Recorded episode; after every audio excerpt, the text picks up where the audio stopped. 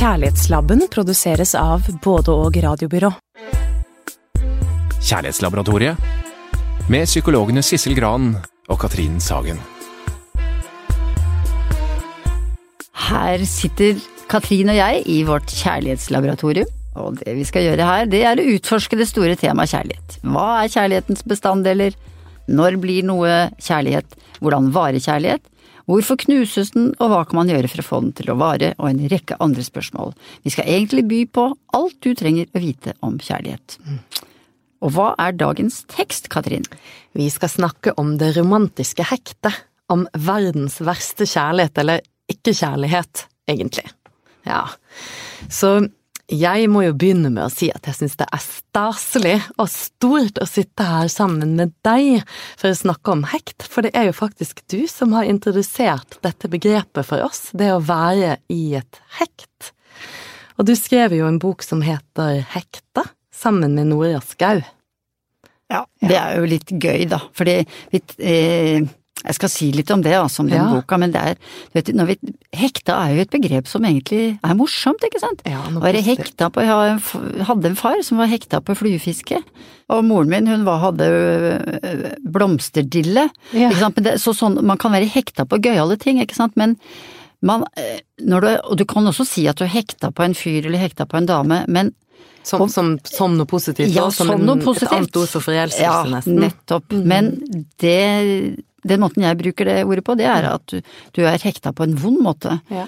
Uh, og at det har et sterkt element av avhengighet og, og frykt i seg, men det kan vi jo snakke mer om. Men denne boka, vet Ja. du, den kom jo i stand fordi min gode venninne Nora Skau ble veldig Hun er jo et ressurssterkt menneske på alle måter.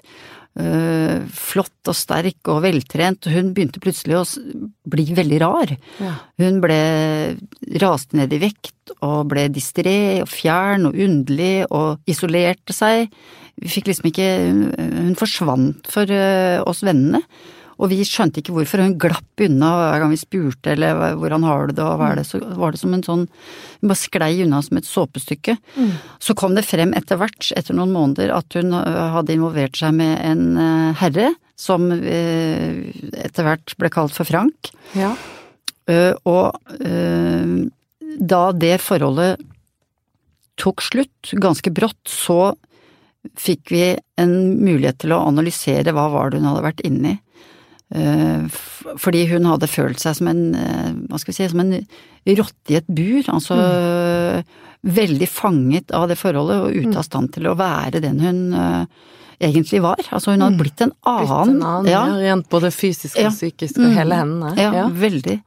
Så da, da sa jo vi vennene at For hun er jo et skrivende menneske. Skriv det av deg. Altså sett deg ned og skriv hele storyen.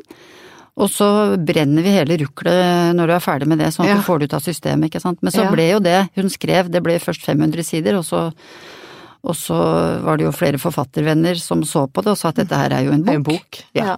Og så komprimerte eh, hun det litt, og så ble det 200-300 sider, og så ble det hennes del av historien, og så skrev jeg analysen av hva i all verden er dette her for noe, og da oppsto begrepet hekt. Ja, rett og slett. Ja. Så det er en todelt bok, altså med Noras historie om å være hekta, fra time til time, Som er mer roman den romanen? mm. i 105, noen og 50 døgn, Mm. med Frank, og så skriver jeg hva var det som skjedde. Ja, nettopp en, på en måte en psykologisk kommentar eller Ja. fordypning. Ja, Ja. hva det er, hva det var hun var oppi, og hvordan eh, man kan komme seg ut av sånt. Mm. Mm. Det var ikke en morsom reise for henne. Så å være hekta på den måten er ikke gøy. Nei, og det er det vi skal snakke om i dag, og gå litt inn i dette. Hva, hva er et hekt, og hvordan kan man eventuelt komme ut av det? Hva er det som skjer? Hvem er det som blir hektet? For det, det er jo eh, noe vi ser i terapirommet òg. Folk kommer jo med denne problemstillingen rett som det er. Både ved at jeg er i et, hekt. Nå er det et ord som brukes og Jeg er i et hekt for å hjelpe meg å komme ut. Eller eh, en, en bestilling som at jeg er en person som på en måte havner i sånne hektforhold igjen og igjen og igjen. Og jeg, nå tør jeg snart ikke å, å prøve å involvere meg i noen, for jeg er så redd for at det skal bli hekt. Ja, ikke sant. At det hindrer folk i å faktisk våge seg frempå igjen fordi de blir så brent av det. Ja, det er jo noen som øh, havner i det lettere enn andre, men kanskje vi skal definere hva det Mm, er? Begynne med Altså, hva er slett, egentlig et hekt? hvordan Hva er ja, egentlig et hekt? Hva er det for noe? Hvordan, for jeg har jo definert det Ja. som følger, altså. At et hekt er rett og slett en nervøs, romantiserende, tvangsmessig opptatthet av en annen med sterke innslag av panikk Mm. og avhengighet. Um, og nervøs, med det mener jeg at det er et, du, er, du er kronisk urolig. Mm. Du er konstant eh, vibrerende på en ikke behagelig måte. Altså hvis du er forelsket så er du også veldig urolig, men det er en mer behagelig, morsommere måte å være nervøs og urolig på. Nettopp, Jens, for Mm. dette er forskjellen på hekt og forelskelse. Mm. Du sier jo nå at noe som kan eh, ligne eh, Altså forelskelse og hekt kan ligne Ja, på hverandre. absolutt. Noe med denne uh, At det er en nervøsitet over det, eller en spenning, da. Ja, du vet at forelskelsen, da kan du jo, da kan du også bli litt sånn som Nora var. Altså du kan bli tynn, mm. uh, miste matlysta, sove dårlig, bli ukonsentrert, bli ukonsentrert på jobben din, bli distré. Mm. Du greier bare å tenke på din Den utkårede, ikke sant. litt besatt. Litt besatt, mm. rett og slett, og litt arbeidsudyktig. Mm. Så det er mange likhetstrekk, men i en gjensidig forelskelse så er det jo mye glede, vet du. Eh, Og mye, så mye av dette nervøse handler jo om selvfølgelig frykt for at den andre kanskje eh, forsvinner fra deg, men også veldig mye glede når man er sammen, og glede ved å tenke på den andre. Nettopp, for man ja. får det bekreftet Mhm. at dette er noe, det noe vi driver med. Det er noe vi driver med. Mm. Mens i et hekt så er jo dette mer en ensidighet. Og det er, en, altså det er mye mer nerver, og det er mye mer ubehag, og det er mye mer frykt knyttet til, eh, knyttet til et hekt. At det er en Altså det er en tvangsmessighet i det som nok kan ligne på forelskelsen, eh, på den måten at du ikke greier å tenke på noe annet, men du blir du kan bli funksjonsudyktig over veldig lang tid i et hekt. Altså en forelskelse som gjør deg funksjonsudyktig, den Det er ikke i så mange måneder du blir funksjonsudyktig i en forelskelse. Det lander på et eller annet vis, enten ved at forholdet går i stykker, at det ikke blir noe mer, eller at det blir mer, et mer varig, roligere forhold, at det blir en mer, mindre panisk besettelse i forholdet. Mm. Så hekta med Der er du urolig eh, hele tiden. Ja. Du får aldri hvile, du kommer aldri hjem. Nei. Så dette med denne nervøsiteten over, over det hele, Mm. som er litt angstpreget. Men, men hva er det som gjør at det er så mye angst og nervøsitet i hektet? Det er fordi du aldri er sikker. Du er aldri sikker på om den andre vil ha deg, eller om det egentlig er et forhold, eller om det forholdet kommer til å vare, og om du kan stole på den andres kjærlighet, fordi det som preger et hekt, det er jo den fullstendige uforutsigbarheten. At det er et av og på-prosjekt, det er et kald og varm-prosjekt, det er et fjern og nær, altså det er, og det er et prosjekt hvor du hele tiden kobles av den du er hekta på, eller begeistret for, eller håper du skal få et forhold til. Um, og det, hva skal vi si, du er det er nesten, hvis du skal tenke deg et psykologisk begrep, da, som intermitterende forsterkning, som det heter, altså eller periodisk belønning, ikke sant, sånn som vi har lært om i læringspsykologien. Det må vi forklare litt mer, Mhm. utdype litt mer. Hva, hva er Ja. dette? Det eh, Dette ja, Det er jo det med rottene, ikke Ja, sant? her er både Mhm. rotter og folk like, vet du. Ja. Fordi For du husker sikkert de gamle eksperimentene mm. til, til BF Skinner, ikke sant, fra mm. sosialpsykologien. Eksperimentalpsykologien. Ja, Mm. at eh, du kan betinge en rotte til eh, spaktrykkende atferd ved å sende en pellet ned i en sånn liten skål, ikke sant. Og godteri. Litt godteri, en liten mm. godbit. Og når rotta får den, eh, så, så blir det en kobling mellom, mellom godbiten og spaken. Mm. Som gjør at rotta trykker på spaken, så kommer det en pellet, trykker på spaken, så kommer det en pellet. Altså det er sånn du kan lære dyr eh, bestemte typer atferd. Mm. Og Det- hvis mm. den eh, godbiten kommer regelmessig, så går rotten og tar seg godbiten når den har lyst på godbit. Ja, og så er det sånn at hvis, hvis du har fått Hvis du har lært å trykke på spaken gjennom regelmessig forsterkning, så slutter du gjerne fortere å trykke på spaken. Altså når det ikke kommer noe Nei, når det ikke kommer det sånn, noe ja. pellet. Mhm, For da sånn skjønner du at eh, oi, her kommer det ikke mer, og da utslukkes den spaktrykkende atferden, for å si det på sånn atferdsspråk. Ja. Men hvis du vil at rotta skal trykke riktig lenge, så skal du gi den pelleten med helt, helt ujevne mellomrom, intermitterende. Da slutter den nesten ikke å trykke på spak. Står den bare og trykker Da står den og trykker til en dåner, ikke sant, og akkurat sånn er folk også. Og hvis du vil ha en person til å utvikle en sånn slags, et avhengighetsforhold til et annet menneske, så kan du, så kan du oppføre deg sånn at du er Av og på i uforutsigbar. kontakten. Av og på i kontakten.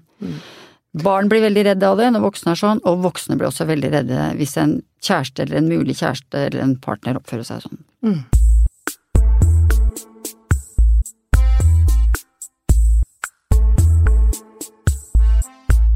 Ja, så eh, hvordan oppstår egentlig et sånt type forhold? Ja, altså det er Det kan jo oppstå på ulike måter, men det som skjedde med Nora, da, for eksempel, det var at hun skulle på en eh, grillfest hos noen venner. Og hun var slett ikke på leting etter noe kjæreste, egentlig. eh, hun slang bare på seg Det var en sankthansaften, og slang på seg en gammel eh, skjorte og en jeans og, en, og, og bestefarens gamle strikkejakke. Og hadde ingen ambisjoner om å treffe noen, og så setter hun seg ned der sammen med venner og sånn, og så kommer det slentrende en kar som hun, øh, som vennene kjenner og som hun har møtt før. Og så skjer det noe interessant i løpet av den kvelden. Han setter seg veldig tett inntil henne, han, og de snakker veldig Altså de begynner med en sånn slags liten sånn historiseringsprosess, vet du, som Ja, vi har snakket om før. Utveksler informasjon om livene sine, og han Ja, veldig sånn, og han sier litt grann om at han har ikke fått til å være i et forhold, egentlig fordi eh, de gangene han har hatt forhold, så har han For han er en sånn person som trenger å være litt for seg selv, og da har det blitt så vanskelig og masete med de jentene. Nora kan kjenne igjen det, for hun er også en veldig sånn ja, privatperson, liker å bruke mye tid på egne ting, skjønner det godt, og så videre. Sånn at de, det blir, er noen sånn likhetsgreier der. Eh, han putter en propp med musikk i øret hennes og sier 'hør på denne låta her', ikke sant. Og når hun går, så, så berører munnen hennes Altså, han, han kysser henne så vidt på halsen. Hun syns det er veldig rart, og så går det en dag eller noe sånt, og så kommer det en SMS fra han. Hei, det var kjempehyggelig og sånn og sånn. Eh, og så tenker hun søren, har jeg hva er dette, og har jeg vært for hyggelig igjen? Vi kan jo ses en dag eh, siden og sånn og sola kommer, og, og så blir det stille fra hans kant, og så begynner hun å, begynner hun å kverne. Altså det er et eller annet han trigger i henne, og hun vet nesten ikke hva det er, eh, skjønner det ikke selv. Og så, så begynner, etter fem døgn, så er hennes hekt i gang for å, for å fange han som vi da kalte for Frank. Ja, Så det handler om- han, han går veldig nær, Går og veldig veldig, nær, går eh, veldig langt nær, vekk. og så trekker han seg unna, ikke sant. Han liksom forsvinner litt etter å ha gått veldig nær. Mm. Og det er klart at når du går så nær, så uh, kommer du litt under huden på et menneske, bokstavelig talt. Og han sier ting også på den festen. Jeg husker deg godt fra den gangen, du gjorde så inntrykk på meg, du sto ved bardisken, du hadde på deg noe svart og et stort smykke, ta, ta, ta. Ikke sant, sånn at han signaliserer til henne at han har lagt veldig merke til henne, at hun har gjort inntrykk på han, og det blir det derre som, som vi har snakket om før, det med jeg kjenner deg. Mm. Altså så at det er litt Lager henne, ser henne, lager Ja. henne spesiell. Bekrefter henne veldig, ikke sant. At, og det er klart at det fanger hjernen vår litt, Mm. når folk gjør sånn. Og dette er en ganske flott kar, og, og litt, litt morsom fyr. Og så begynner det å rulle derfra. Ja, ikke sant. For til nå så kan det jo høres ut som en, en mer vanlig inngang, en, en, en type Mm. begynnende forelskelse. Og det kunne det vært hvis han hadde også vært på. Fordi det som skjer nesten med en gang, det er at um, hun begynner å tvile på hans interesse. Men innimellom er han veldig på, og så er han ikke det i det hele tatt. Sånn at hun begynner tidlig å lure på uh, hva er det han vil? Eh, Og så er hun litt jegeraktig av seg også, vil finne ut av dette. Og sånn tror jeg mange hekt begynner, der hvor man ikke klargjør på en måte motivet sitt, da. Eh, og ikke sier ordentlig fra om, sånn som vi har snakket om før, hva man vil med hverandre. Altså det er jo usikkerhet i starten av alle forhold, men, men i sånne hektforhold så, blir, så etableres usikkerheten ganske fort, men gjerne kan- etter en sånn litt intens, kort, liten intens åpning, ja. Er det nesten sånn man kan tenke at hun også var litt sånn disponert? For du sier hun, hun eh, at, at eh, hun ble litt interessert i den jakten også, at man kan tenke at Ja. en annen type person ville kjent at dette her appellerer ikke til meg. Når det forsvinner på denne måten, så kjenner jeg at nei, dette, dette vil ikke jeg ha. Mens for noen så blir det litt mer sånn jakt eh, som, som man går inn i og tenker hva, blir interessert av, eller vil finne ut av det, eller et eller annet sånn. Det er helt riktig. Mm. Fordi det er helt riktig som du sier, hvis du har litt Hvis du er litt, hvis du er litt sånn, eh, men, eller sånn emosjonelt doven, da, eller, eh, Ikke helt på vakt, ten, eller? eller, en Nei. tendens til å trekke deg fort, Mm. så vil du jo ikke havne i sånt. Nei. Eh, Mens hvis du er litt elektrisk av det, og hvis du er litt sånn eh, erobringsorientert, og hvis du er litt sånn hvis du, Og også hvis du tenker nei, søren, dette skal jeg finne ut av, hvis du er litt sånn på, så Kan du være litt disponert? kan du være litt disponert. Og, Så, ja. det, så hvis vi går til det som skjer, hva, hva er symptomene på hektet? Hva er det som skjer nå videre? Nå er hun jo liksom fanget inn. Hun er fanget inn, og det som, det som skjer da, det er at nå begynner en intens sånn SMS-utveksling, hvor han svarer mye seinere enn det hun skulle ønske. Og hvor han er mye mer forbeholden i responsen sin, for nå begynner det der med hans forbeholdenhet. At han er til stede, men ikke til stede allikevel, og at han eh, veldig gjerne vil, men ikke vil allikevel. At han, signalene hans er tvetydige nesten hele veien herfra. Nettopp. Så han styr, eller det går på hans eh, premisser Ja. på en måte hele tiden. Ja. Er det sånn? Jo da, og så driver hun selvovertalelse, for det gjør alle som havner i sånt, at de begynner å si til seg selv at nei, det er bare jeg som misforstår, det er bare jeg som eh, ikke Det er bare jeg som tenker dårlig om han, han er sikkert litt sliten, han er sikkert litt eh, Han jobber litt mye, han uh, Så det, et Ja. symptom er nettopp dette her med uh, denne forklaringen, Ja. eller fortolkningen, Ja. sånn stadig fortolkning av hva som Stadig. foregår. Stadig fortolkning. Altså, det er jo et symptom ved et det er tolkningsfeber. Mm. At du tolker alt som skjer, og at du, at du um, At du tolker det ofte i beste mening. Altså at uh, å ja, det at han ikke kunne nå, det var på grunn av at uh, han hadde, var, kom, var så, jobba jo så seint, eller det at han ikke svarte nå, eller at det tok to dager å få et svar, er selvfølgelig at han har at laderen mista laderen til mobilen, altså at man hele tiden holder på med sånne eh, selvovertalende eh, forklaringer på det andre ville se var manglende interesse.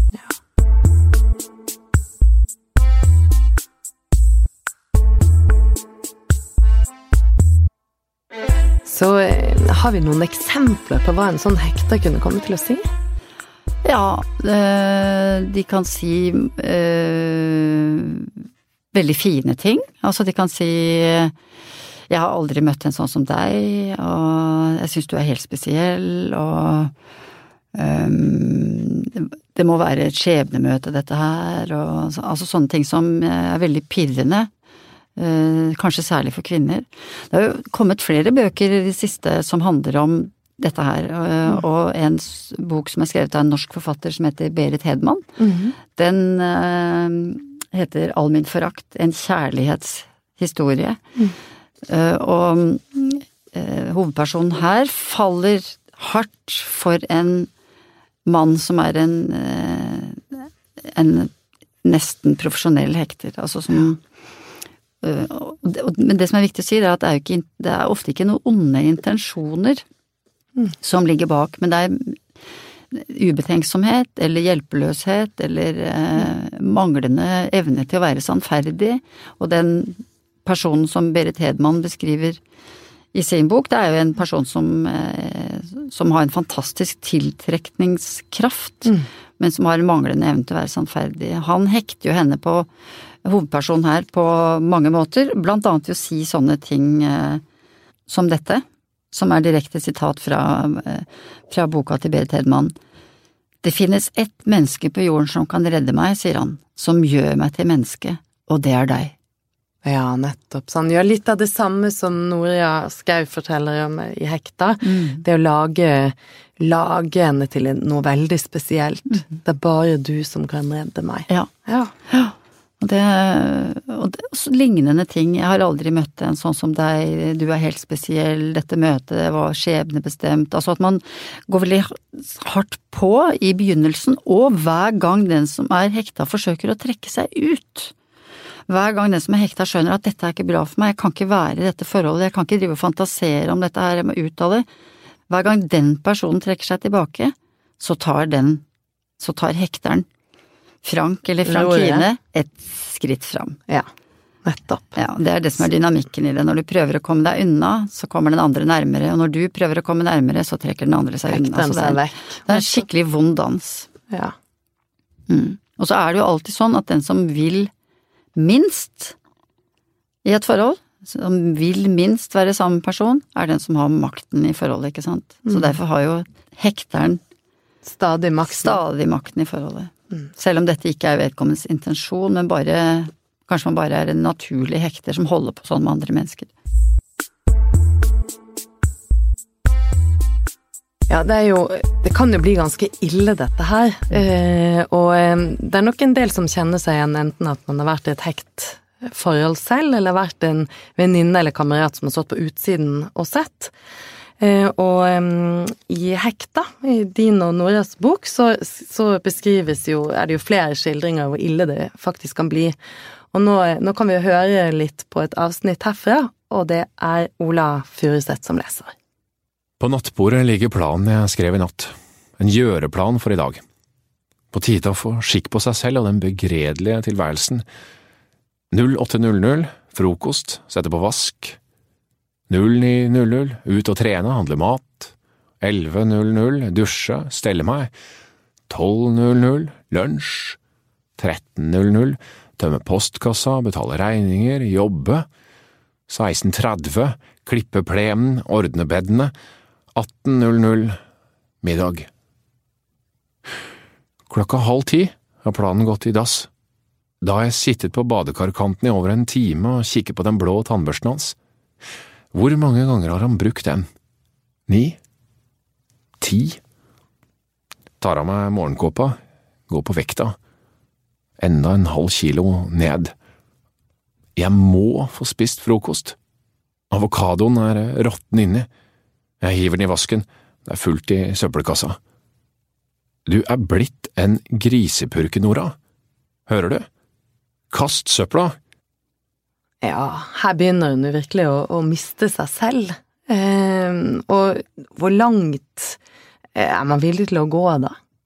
Ja, veldig langt. Så er jo mange klienter jeg snakker med som eh, sliter fryktelig med dette, og som er villige til å gå veldig langt. Altså som eh, For du, har, altså du blir veldig Du blir litt paranoid, altså, og du blir litt forfølgende, og du prøver å sjekke ut hele tiden hvor er denne personen Får ikke en informasjon, ikke Nei, sant? fordi det, for de får, altså de får altfor lite tilgang på denne personen som de er så hekta på, sånn at de er villige til å øh, gjøre nesten hva som helst, og skammer seg forferdelig. Og snakker jo ikke med noen om det, hvor skambelagt det er, fordi det er så pinlig og vanskelig.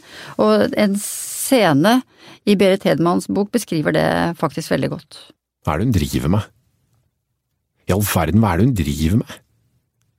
Hun leter i en søppelkasse utenfor blokka der han har studio, eller leilighet, eller hva faen, finner en bærepose fra Meny, han pleier å handle der, ser seg rundt, ingen ser henne, hun tar den fort med seg inn i bilen, og der åpner hun den og legger innholdet forsiktig utover setet to flatklemte flasker Biola, plastemballasjen til en Jarlsbergost, en fruktyoghurtboks, tre brukte poser med jordbærte. I all verden, det brenner i kinnene, han drikker da aldri jordbærte.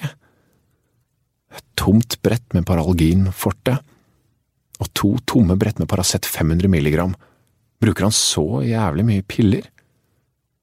Og fire rosa bomullsdotter som lukter sprit. Kan det være han som har brukt dem til å rense huden med? Eller en kvinne som har vært hos ham? Det kan da ikke være han. Seks brukte Nespresso-kapsler. Men han har ikke Nespresso-maskin. Kanskje det ikke er hans søppel? Det finnes verre synder. Altså, dette er jo helt forferdelig. Veldig, veldig vondt. Så hvordan skal man komme seg ut av dette her? Hvordan kan man komme seg ut av et hekt? Ja, du vet, det som er vanskelig med det, det er at øh, den som er hekta ikke vil høre på såkalt fornuft. Altså det er alltid noen venner og noen venninner og pårørende og sånn rundt som ser dette her, og som ser på det med fortvilelse, for de ser at dette er et nytteløst prosjekt. Mm. Uh, og i en liten roman som heter uh, Rettsstridig forføyning, en roman om kjærlighet som godt kunne hett uh, en roman om et hekt, som er skrevet av svenske Lena Andersson, så beskrives også begrep, altså hun tar opp begrepet, eller lager et begrep som hun kaller for venninnekoret, altså mm. hvordan venninnene til da Ester i denne romanen mm. forsøker å få Ester til å forstå at uh, dette ikke er kjærlighet. Det hun føler for da denne, denne mannen som uh, hun er hekta på i denne boka, uh, det er altså, Og han heter Hugo Rask og er mm. kunstner.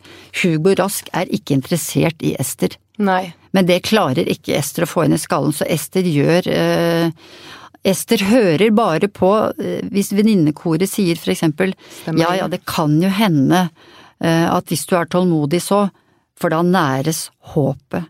Det er det som og det, noe av det første som må skje hvis du skal komme deg ut av et hekt, det er at du må begynne å Altså, du må rett og slett akseptere at du er i et hekt, mm. og du må bite hodet av skammen og fortelle vennene dine at du er i et hekt. Mm. Og så må du få hjelp av vennene dine til å binde deg til masten, altså så at mm. når du får lyst til å kontakte denne personen igjen, så du, må du få hjelp av vennene dine til ikke å gjøre det. Nettopp, så det er som en avhengighet og må behandles på en måte som en slags ja. avhengighet, ja. og det å være en venninne eller venn er komplisert og vanskelig, fordi at man blir ikke hørt mm. av den som er hektet eller avhengig. Og det som er en av de viktigste oppgavene for når man er i dette venninnegjengen eller vennegjengen, er jo hjelpe til å drepe håpet. Ja. Ja. Men først når den som er hekta på en måte inviterer deg inn til å gjøre det. Nettopp, for det nytter ikke å overtale. For da blir du bare, da isolerer den hekta seg fra det. Da, vil, ja. da, får du ikke vite hva som egentlig foregår, Nei, fordi nettopp. den som er hekta beskytter dette hektforholdet sitt. Ja. Så du må i grunnen veldig lenge bare høre og være til stede og si 'jeg skjønner', eller for eksempel si 'jeg skjønner at du er veldig hekta på denne personen', 'jeg ser at dette ikke er noe bra forhold', 'du er ikke der ennå', den dagen du kommer dit, mm. at, jeg, at du skjønner at du er inne i noe som ikke er bra for deg, så skal så jeg hjelpe hjelpe deg. Alt da er jeg der for deg. Alt du vil. Så det er altså Man må rett og slett hjelpe Altså, man må drepe håpet, og det er det eh, Lena Andersson beskriver så veldig godt, mm. med da Ester som ikke klarer å drepe håpet. Mm. Eh, og vi lar Ola lese. lese litt fra den boka. Rettsstridig forføyning av Lena Andersson. Definitive beskjeder håndteres lettere enn diffuse. Det skyldes håpet og dets natur. Håpet er en parasitt på menneskekroppen og lever i fullskala symbiose med menneskehjertet. Det er ikke nok å sette tvangstrøye på det og sperre det inne i mørke kott. Sultekost hjelper heller ikke. Parasitten kan ikke settes på vann og brød. Næringstilførselen må stenges helt. Kan håpet skaffe oksygen, gjør det det. Oksygenet finnes i et feilrettet adjektiv, et forfløyent adverb, en kompensatorisk gest av medfølelse, en kroppslig bevegelse, et smil, glansen i et øye. Den som håper, gjør seg uvitende om at empati er en mekanisk kraft. Den indifferente gjør automatisk ting av omtanke for å beskytte både seg selv og den nødstette. Håpet må sultes i hjel for ikke å forlede og forblinde sitt vertsdyr. Håpet kan bare drepes med klarhetens brutalitet. Håpet er ondt fordi det binder og legger snarer. Ganske tydelig beskjed. Det er en veldig tydelig beskjed, og det, men det er vanskelig å kverke håp, mm. for det sitter så hardt i oss mennesker. Men hvis man klarer å slutte å håpe, og øh, bruker det jeg kaller for fantomets metode, da, mm. nemlig øh, når, for å holde seg unna den man har vært hekta på, så ja. kan man komme løs. Og Fantomets metode, det er for eksempel noe som Nora gjør i sin øh, Altså hun skriver om i, i, Hekta. Hun kaster alle tingene og leverer alle tingene. Altså kaster og leverer tilbake tingene til Frank og forlanger å få sine ting tilbake. Altså hun rydder opp. Eh, hun um, Rydder ham ut. rydder han ut, ja. Det som er fint med Frank, det er at han er på en måte en gentleman. Han har sagt 'jeg vil ikke være sammen med deg mer', og så lar han være å ta kontakt. Det er det mange hektere som ikke gjør. De sender, når de er i litt sånn sentimentale øyeblikk, så kan de komme til å sende en hyggelig SMS til den de egentlig ikke da er interessert i, som da Ester Kommer og i denne boken. skraper på døren Ja, skraper skrape litt på døren, sende en SMS 'hei, hei, jeg sitter på en kafé, tenker litt på deg nå', det var vel kanskje oss det skulle vært allikevel. Da er det i gang igjen. Så Ja. man må jo ikke svare på SMS-er, ikke stalke den personen på Facebook. Eh, rett og slett ja, Fantomets metode er jo å være hard mot de harde, det er det gamle jungelårtaket, ikke sant. At du må rett og slett stå imot. Hvis du ser Frank da, komme gående mot deg, gå over på andre Gå siden av gata, gå, ikke gå dit du vet at han uh, pleier å være, ikke for all del, ikke la, ikke få en klem. Da er du i gang igjen. Sånn, Så det, det hvis man er uheldig, eller hvis man da altså roter seg inn i et hekt, så er det ganske komplisert, og man bør ta det på alvor, for det er ikke så lett å komme seg ut av, som jeg hører. Man, ikke sant? Hvis jeg skjønner det, men det, man kan, kan komme seg ut, men det er vanskelig. Eh, og man må virkelig stålsette seg og bruke venner, og tenke på det som, nesten som en slags sykdom, eller som en slags avhengighet. Eh, og, og ikke tenke litt som hvis man skal slutte å røyke, så ikke tenke at jeg kan sikkert røyke på fest. Det går jo veldig dårlig eh, for mange. Eh, så slutte å røyke er jo slutte å røyke. Ja. Du må Ja. på emosjonell rehab. Har, vi, har du en hva, hva, Hvis man kjenner en hekter, eller hvis, du, hvis, eh, hvis man er en hekter, har vi en beskjed som kan gis til hekteren? Ja, egentlig, fordi det er jo dårlig gjort å bare legge alt ansvaret på offeret. Fordi det er jo noe, de som hekter, altså enten om de gjør det bevisst eller ubevisst, eh, altså de som er veldig, har mye magnetisme, de må tenke litt igjennom det. Altså må de, de må ikke gjøre det som eh, for eksempel står her i Berit Hedmans bok, et lite sitat, han bestormet meg til jeg falt, så inntok han meg ikke. Altså hvis du virkelig skal beile og holde på, så må du vite at det er det det gjør, at du har noen intensjoner om det, og at du ikke du skal droppe damen som en råtten pære mm. etter at du har eh, fått henne på kroken. Det er utrolig dårlig gjort. Så det er noe med å tenke over hva slags signaler er det du sender ut. Vi har forresten et utrolig godt Bob Marley-sitat. Ja, Altså. kjør i gang. Den største feigingen er en mann som vekker en kvinnes kjærlighet uten noen intensjon om å elske henne. Ja, godt sagt. Det er, her er jo det vi har å by på i dag. Og dette er jo også siste episode av Kjærlighetslaboratoriet for denne omgang. Men eh, vi kommer tilbake med mer kjærlighetslab over sommeren.